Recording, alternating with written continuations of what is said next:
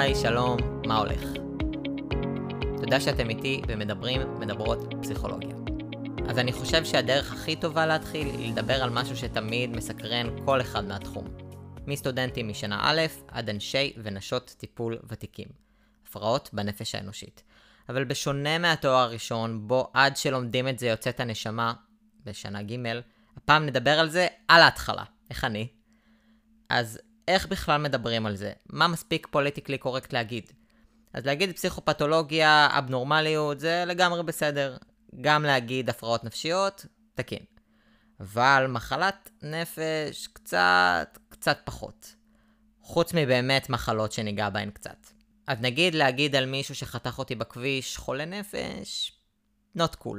על שיגעון, משוגע וכל מה שמגיע מהשורש של שין ג' עין, אין מה לדבר. אז היום אני אשתמש בעיקר במושג פסיכופתולוגיה או הפרעות נפשיות.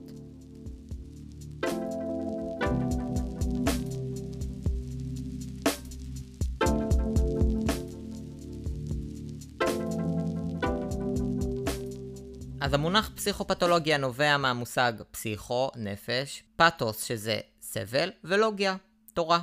נגיד סוציולוגיה, מדעי החברה, תורת החברה, ביולוגיה וכו'. כלומר, אז מה שיוצא זה תורת הסבל של הנפש או משהו כזה. אז זה בעצם תיאור של התנהגויות וחוויות פסיכולוגיות החורגות מהנורמה ויכולות להצביע על הפרעה נפשית אצל האדם. כמה זה נפוץ כל הדבר הזה? אז קשה להגיד, כי בשונה מעולם הרפואה האחר שבו זה בסדר להגיע עם גבס לכיתה לאחר שנשברה היד ולקבל חתימות מהילדים, קצת פחות מקובל לבוא לכיתה ולהגיד שלא הגעתי היום לבית הספר כי היה לי התקף פאניקה קשה. קשה לתפוס מה זה דיכאון או חרדה, אנשים יכולים לחשוב שזאת עצלנות או סתם פחד ילדותי, יש הרבה הסתרה וסטיגמה. הרבה אנשים מרגישים פחד ובושה להודות בהפרעה נפשית, בעיקר בקבוצות קטנות וגם אפילו בינם ובין עצמם. מה לגבי גברים ונשים? אז תסלחו לי על הבינאריות, אבל זה משתנה מאוד נפוץ במחקרים והוא מלמד אותנו משהו גדול. אז קיימים פערים, כך שנשים מדווחות יותר על הפרעות נפשיות. מפתיע מישהו? אותי זה לא כל כך הפתיע. נשים לא יותר מופרעות נפשית, obviously, ממש לא. אלא זה יותר לגיטימי שאישה תדבר על הרגשות שלה, תבטא מצוקה ותפנה לעזרה נפשית, ומשם יגיע הדיווח. לעומת זאת, פחות מקובל שגבר יבוא ויגיד, אני בדיכאון, אני עצוב, אני מפחד, אני חרד, אני צריך עזרה. ואם כן, הרבה פעמים זה יכול להתקבל בביטול וזלזול מצד האנשים הכי קרובים. אז תשובה חותכת אין. אבל אני מציע לכם לחשוב על משהו. תחשבו על אנשים שמוכרים לכן ולכם, ולשאול את עצמכם כמה אנשים אתם מכירים שסובלים מהפרעה נפשית כזו או אחרת. קדימה, קדימה, קחו זמן לחשוב. אז אם בכל זאת הכנסתם אותי לאיזה פינה, אז לא מעט מהנתונים שראיתי הצביעו על כך שאחד מתוך ארבעה אנשים ענו על אחת מההפרעות לפחות פעם אחת בשלב מסוים בחייהם. מעניין. ולדעתי זה אפילו יותר. כשאני למדתי את הקורס, מצאתי נגיד 2-3 הפרעות שסבלתי מהן מתישהו בחיים, וכיום אחת או שתיים פעילות. אבל מצד שני, האבחון הזה די נפוץ אצל סטודנטים לפסיכולוגיה. אז איך בכלל קובעים? כדי להבין יותר, אנחנו נמשיג את זה באמצעות ה-4Ds. Deviance, סטייה, חריגות או סטטיסטית או מקובלת מהנורמה, Distress, מצוקה שהאדם מרגיש, Dysfunctional, קשיים בתפקוד הקשורים ליכולת של האדם לתפקד או לא, ו-Danger, סכנה, כמה הוא מסוכן לעצמו או לאחרים. ומיד נבין יותר על כל דבר. אוקיי, אז אנחנו בסטייה. לא סטייה כמו שאנחנו חושבים עליה סטייה מינית, לא יותר כמו סטיית תקן. סטיית תקן זה מושג שלקחו אותו ישירות מסטטיסטיקה, אבל אני לא רוצה להרחיב עליו יותר מדי כי אני שונא סטטיסטיקה. אז אני אסביר את המינימום האפשרי. בואו נדמיין רגע גבעה, גבעה סימטרית. הראש של הגבעה הוא הממוצע, המרכז של אוסף מספרים. ככל שאנחנו יורדים מהגבעה, אנחנו מתרחקים מהממוצע, מהנורמה. סטיית תקן סוג של מתארת את המרחק מהממוצע. אז נגיד, אם הממוצע של אינטליגנציה קולינרית הוא 100, וסטיית תקן היא 20, אז שלמישהו יש סטיית תקן אחת מתחת לממוצע, אז הציון שלו הוא 80. ואם סטיית תקן אחת גבוהה יותר, אז 120. זהו, מקווה שזה ברור. די. אני רוצה להקריא לכם uh, ציטוט די מעניין. המשוגע של היום היה הנביא של אתמול. המשוגע של היום היה המיסטיקן של אתמול.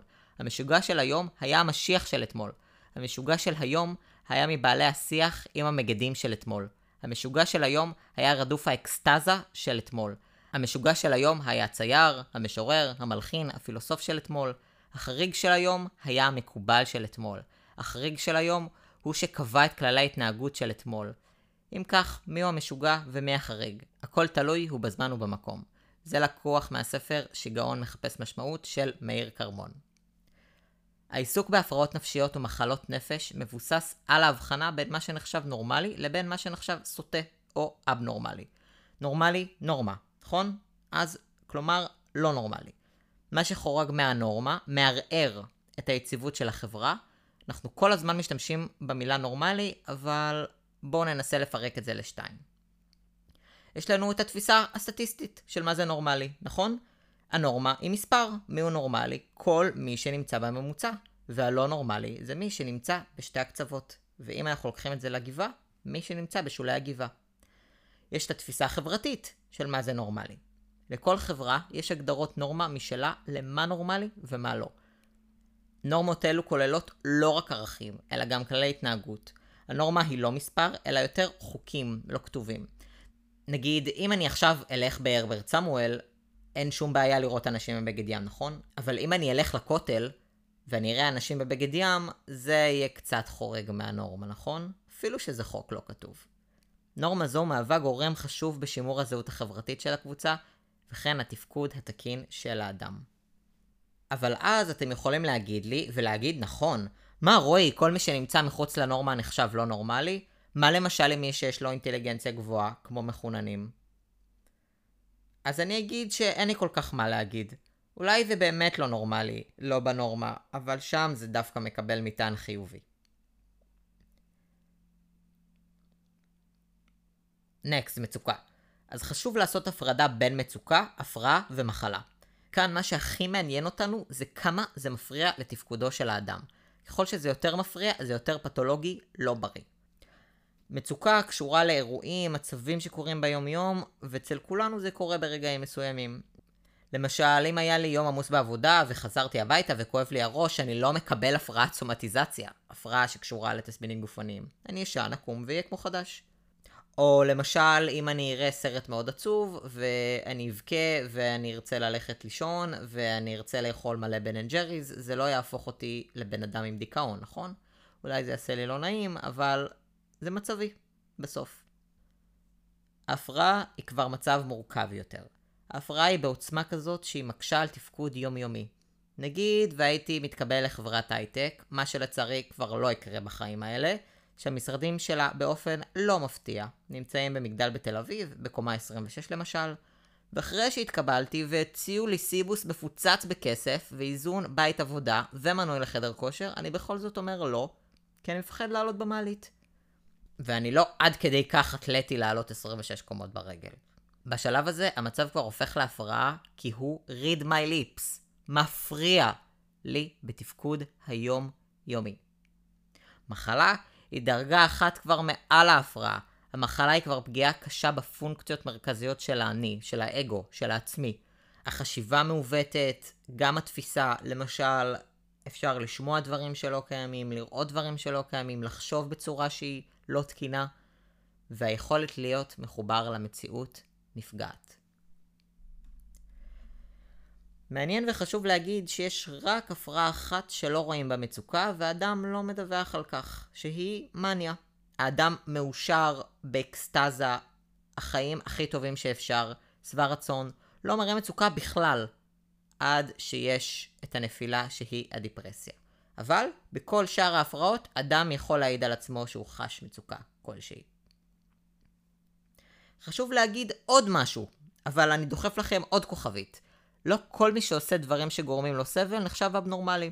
למשל, יש אנשים שהולכים למכון כושר, בעיניי זה די נורא, אבל אנשים עושים את זה, אוקיי? ויש אנשים שמתאמנים המון, אוקיי? ויש חיילים שמתאמנים בקושי רב. ויש נשים שיולדות בכאב, ועוד מלא מלא מלא דוגמאות. זה לא אומר שהאנשים האלה מופרעים. אז ה-D הבא שאנחנו עוברים אליו הוא הפרעה בתפקוד, dysfunction. שאם עד אז בן אדם עשה 20 דברים ביום, עכשיו הוא עושה 7 דברים ביום. ההתנהלות הופכת ללא יעילה או לא נכונה. נגיד, אם אני רוצה להיפגש עם חבר, אבל חלק מהטקס של ה-OCD שלי, אני צריך לבדוק 15 פעמים שהדלת נעולה, והמפתח לא מסתובב במנעול 3 פעמים. וזה אולי יכול להישמע שאני מגזים, אבל אני לא. וכל זה לקח לי מעל שעה, ובסוף אני מחליט לוותר. אז אפשר להגיד שזאת פגיעה בתפקוד. חשוב להגיד שהפרעה תפקודית היא תנאי לא מספיק ולא הכרחי. זאת אומרת שיש מי שיש לו הפרעה תפקודית ואינו אבנורמלי, ויש מישהו אבנורמלי ואין לו הפרעה תפקודית. ה-D האחרון שלנו הוא danger, סכנה. סכנה יכולה להיות סכנה כלפי עצמי או סכנה כלפי אחר. בכללי סכנה זה אישיו בטיפול. נגיד, בטיפול בילדים, אחד מהמשפטים המשמעותיים בפגישה הראשונה זה... איך זה הולך? כל מה שקורה בחדר נשאר בחדר, למעט שני דברים. סכנה כלפי עצמך וסכנה כלפי אחרים, שם יש לי חובת דיווח. סכנה כלפי אחרים, אני מניח שזה ברור. אבל סכנה כלפי עצמי יכולה להיות התנהגות מסוכנת בגלל מניה, כמו למשל לחשוב שאם אני אקפוץ מקומה רביעית לא יקרה לי כלום, צריכה לא מידתית ומסוכנת של חומרים, ואובדנות. סכנה יכולה להקפיץ את החומרה של ההפרעה. למשל, דיכאון בלי אבדנות הוא קשה ועוצמתי, אבל דיכאון עם אובדנות מעלה עוד יותר דאגה וחשש שיכול להגיע גם לאשפוז.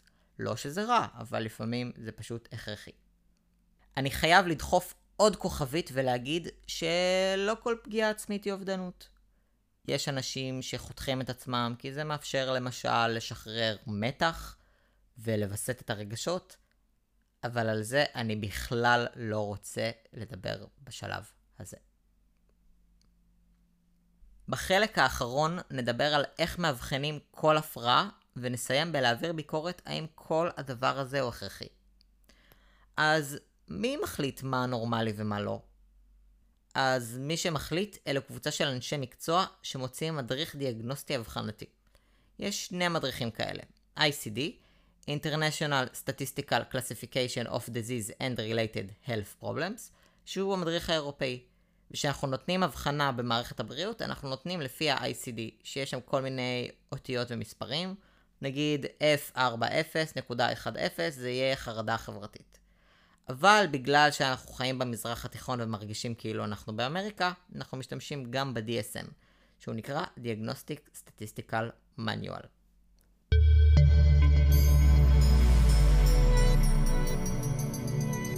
אז כדי לקבל הפרעה, אדם צריך לעמוד במספר מסוים של קריטריונים בתוך ההפרעה. קוראים לזה שיטת המסעדה הסינית. המסעדה הסינית זה לא איזה קונספט שכל כך קיים בארץ, אז זה לא אינטואיטיבי. אבל הכוונה היא שזה עניין של כמות. ברגע שאתה עובר סף מסוים, מתקבלת ההפרעה. אז שלא תגידו שלא אכפת לי, הנה דוגמה. אז למשל, הפרעת הגירה. הורדינג דיסורדר. אלה שיש להם המון דברים בבית. אז כדי בעצם לקבל את ההפרעה, צריכים לענות על כמה קריטריונים. קושי מתמשך עם השלכה או פרידה מחפצים, ללא קשר לערך האמיתי שלהם. קריטריון נוסף, קושי זה נובע מצורך נתפס להציל את הפריטים מול המצוקה הקשורה עם השלכתם, אוקיי? ג. תוצאות הקושי להשליך רכוש הינן צבירת רכוש שנדחס ומעמיס על אזורי מחיה משמעותיים ופגע בייעוד שלהם. אם אזורי המגורים מסודרים, זה רק בגלל התערבות של צד שלישי. כמו נגיד בני משפחה, מענקים, רשויות. ד', ההגירה גורמת למצוקה משמעותית מבחינה קלינית או פגיעה חברתית, תעסוקתית או בתחומי תפקוד חשובים אחרים. ה', hey, ההגירה אינה מיוחסת למצב רפואי אחר, נגיד פגיעה במוח, כלי דם, מחלה, תסמונת אחרת. ו', ההגירה לא מוסברת על ידי הסימפטומים של הפרעה נפשית אחרת, למשל OCD, ירידה באנרגיה, דיכאון, מחשבות שווא, סכיזופרניה או הפרעה פסיכוטית אחרת. ואם נותנים את ההפרעה, צריך לציין האם כלול בזה רכישה מוגזמת, כמו נגיד קושי בהשלכת חפצים, שמלווה ברכישה מוגזמת של פריטים שאינם נחוצים, או שאין עבורם מקום פנוי, והאם יש תובנה טובה או הוגנת. זה משהו שמאוד מאפיין הרבה הפרעות. תובנה. אם הפרט מזהה את האמונות הקשורות להגירה וכי ההתנהגויות הן בעייתיות, יש לנו תובנה טובה או הוגנת. תובנה ירודה תהיה שהפרט משוכנע שהאמונות הקשורות להגירה והתנהגויות הנוגעות לפריטים לא בעייתיות, למרות הראיות הסותרות. אוקיי? ברור? יופי. כל מדריך מחולק בצורה שלו. אז ה-DSM למשל מחולק לפי הפרעות דחק, טראומה, חרדה, הפרעות טורדניות כפייתיות ודומות, סומטופורמיות, הפרעות אכילה, הפרעות במצב רוח, סכיזופרניה והפרעות נוירו-התפתחותיות. לספרים האלה יש כוח רב מאוד, יותר ממה שאנחנו אפילו יכולים לדמיין.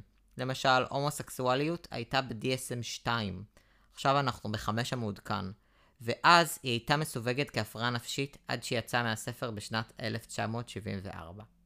מה טוב ומה לא טוב בכל הדבר הזה? אז אני אתחיל ואגיד שברגע שמפשטים ומכלילים, אנחנו מאבדים את האדם בתוך ההבחנה. הופך להיות סכיזופרן, אנורקסית, ולא אדם בפני עצמה או עצמו. עם אופי, אישיות, היסטוריה, קשרים, כוחות, דרך הסיווג אנחנו מאבדים הרבה פרטים אישיים. וכמובן שמצטרפת לזאת תווית שלילית. אם אני אובחן בדיכאון, או לפחות ככזה שסבל מדיכאון, לא בטוח שהייתי רוצה לספר לכל האנשים בעבודה שזה מה שסבלתי ממנו, שזה יכול לגרור כל מיני תגובות של אמפתיה, של רחמים, של רתיעה, דברים שאולי לא בא לי להתמודד איתם.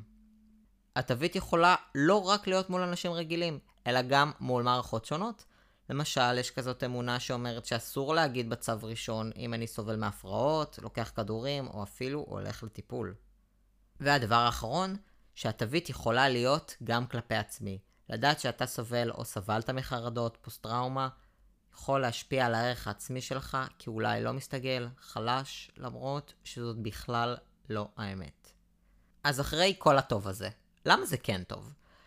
אין מה לעשות, זה עוזר לעשות סדר. אנחנו חיים בתוך עולם מלא בסטריאוטיפים, שבסופו של דבר הם עוזרים לנו לקצר תהליכי חשיבה מורכבים ולחסוך במשאבים. כשאני קורא תיק של מטופל ורואה את ההבחנה, זה עוזר לי להבין כבר הרבה על המטופל מבלי לקרוא גיליון שלם. הקיבוץ הזה גם עוזר למחקר. למשל, אם היינו מעוניינים למצוא את המקור הרגשי למשל של OCD, לא היינו בודקים עשרת אלפים מיליון אנשים ומקווים שהם במקרה יתאימו, אלא יודעים לפנות מראש לאנשים הסובלים מ-OCD ולקצר תהליכים. הקיבוץ גם מאפשר לראות דמיון בין הפרעות שונות. למשל, טיפול בפוביה ממעליות וטיפול בפוביה בכלבים הוא שונה, אבל הוא גם מאוד מאוד דומה. הבחנה מסייעת לבחור את הטיפול הטוב ביותר. לדעת איך לחלק את המשאבים. מה ה-treatment of choice, הטיפול המתאים ביותר. אילו אנשי מקצוע מתאימים יותר, ומי צריך לשלם על הטיפול. חברת הביטוח, המדינה, אני, כל מיני. לסיכום, אז דיברנו הרבה על הפרעות נפשיות, הבנו איך מזהים שהפרעה היא אכן הפרעה, איפה אפשר למצוא את ההפרעות האלה, ולמה הדבר הזה הכרחי. תודה רבה על ההאזנה, ונתראה בפעם הבאה. להתראות.